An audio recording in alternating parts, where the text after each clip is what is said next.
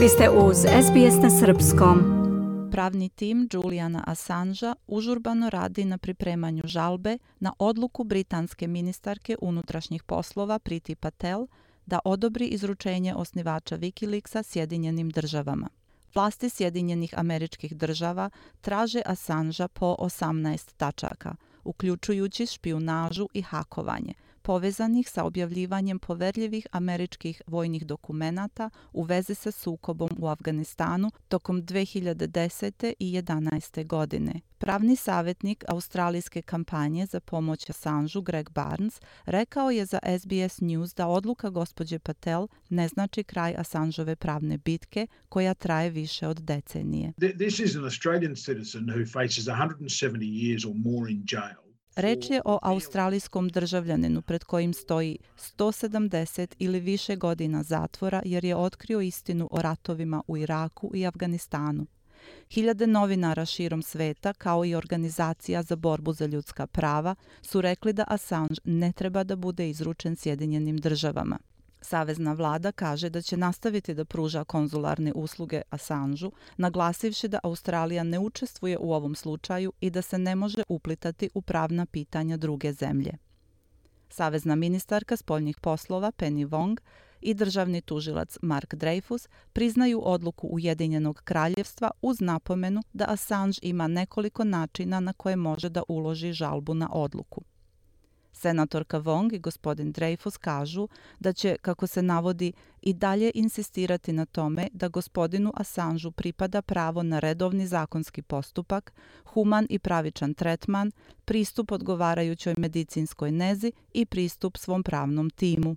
Pravni savjetnik Greg Barnes kaže da što slučaj duže traje, sve se više plaše za Assangeovo zdravlje. He's been now detained certainly firstly at the Ecuadorian embassy and then secondly now in Belmarsh prison for a decade. Uh, and uh, Zatvoren je već 10 godina. Prvo u ekvadorskoj ambasadi, a zatim u zatvoru Belmarsh. Nijedno ljudsko biće ne može podneti takvu vrstu patnje kakvu on podnosi. Problem sa Sjedinjenim državama je u tome što ako ode tamo, svi znamo kakav je američki kazneni sistem. Znamo i to da ako ode, tamo ga faktički čeka smrtna kazna. Senatorka Wong i gospodin Dreyfus kažu da je stav australijske vlade jasan. Assangeov slučaj već predugo traje i vreme je da se privede kraju. Gospodin Barnes pozdravio je način na koji su senatorka Wong i premijer Albanizi govorili o slučaju. Well, certainly from the Australian Assange campaign perspective, we've been very heartened by the statements. Iz perspektive nas iz australijske kampanje za Assangea, ohrabrujuće deluju izjave novog premijera i ministarke spoljnih poslova Wong, jer ono što su oni pokazali jeste da razumeju potrebu da se uključe u ovaj slučaj i pomognu australijskom državljaninu koji se suočava sa više od 170 godina zatvora zbog objavljivanja informacija o ratnim zločinima SAD-a 2010. i 2011. godine.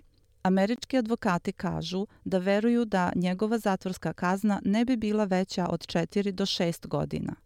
Udruženje za medije, zabavu i umetnost kaže da, kako se navodi, odluka vlade Ujedinjenog kraljevstva da udovolji zahtevu Ministarstva pravde SAD-a da izruče australijskog izdavača Juliana Assangea predstavlja opasnost po novinare svuda u svetu. Assangeova supruga Stella Morris kaže da australijska vlada mora da učini šta god je potrebno da ga vrati kući. Govoreći na konferenciji za novinare zajedno sa advokatom gospodina Assangea Jennifer Robinson i Timom Dosonom iz Nacionalne unije novinara, gospođa Morris je pozvala Albanizijevu vladu da se zauzme za svoje građane, rekavši da će iskoristiti sve raspoložive mogućnosti žalbe. Gospođa Morris kaže da je ovo politički slučaj koji treba da se reši na najvišim nivoima. This was always a um, possibility that Priti Patel would approve Od uvek je postojala mogućnost da će Priti Patel odobriti da se Julian pošalje u zemlju koja je kovala zaveru da na njega izvrši atentat i čije je zločine Julian razotkrio. Nismo još stigli do kraja, borit ćemo se, iskoristit ćemo sve mogućnosti za žalbu. Provešću svaki budni sat boreći se za Đulijana dok ne bude slobodan, dok pravda ne bude zadovoljena. Odluka gospođe Patel ne znači kraj Asanžove pravne bitke koja traje više od decenije. Ministarstvo unutrašnjih poslova saopštilo je da, iako je zahtev za izručenje odobren, Assange ima još 14 dana da se žali na odluku. Gospodin Assange može uložiti žalbu Višem sudu u Londonu, a na kraju se može obratiti Vrhovnom sudu Ujedinjenog kraljevstva. Ali ako žalba bude odbijena, Assange mora biti izručen u roku od 28 dana. 50-godišnji Assange se posljednje tri godine nalazi u zatvoru Belmarsh u Londonu, odakle se bori protiv izručenja Sjedinjenim državama. Pre toga je proveo sedam godina u ekvadorskoj ambasadi u Londonu. Gospodin Barnes kaže da se mora pronaći rešenje. I've been around this case now for almost a decade and that's a decade too long. Uh, and I'm just concerned for Julian's continued... Bavim se ovim slučajem već skoro deset godina. Zabrinut sam za Julijanovo mentalno i fizičko zdravlje, za njegovu porodicu, a posebno za njegovo dvoje male dece i njegovu ženu Stelu, ali i za njegovog oca sa kojim sarađujem više od decenije i naravno za njegovog brata. Znate, na kraju ovog slučaja nalazi se ljudsko biće i to je ono što je važno. Poznajem ovaj slučaj kao advokat i ne radi se o normalnom slučaju izručenja.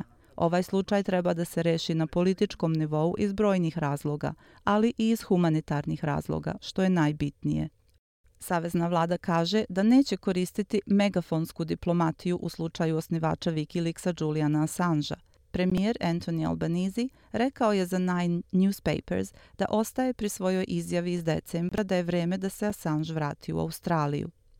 Ministar kabineta Tony Berg rekao je za Sky News da će sve što se preduzme u oslobađanju Assangea verovatno biti iza kulisa. We're not going to conduct diplomacy by, by megaphone. This case has gone Nećemo da vodimo diplomatiju megafonom. Ovaj slučaj traje predugo. To smo rekli u opoziciji, to smo rekli i u vladi.